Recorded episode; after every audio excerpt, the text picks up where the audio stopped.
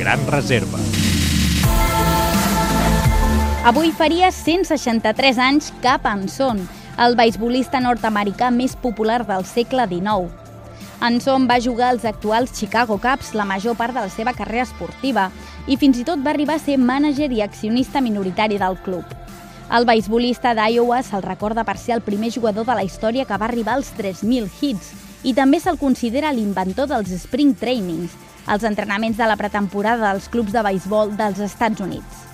En l'actualitat, però, el seu prestigi com a beisbolista s'ha vist compromès, perquè s'havia negat a jugar contra equips amb jugadors negres.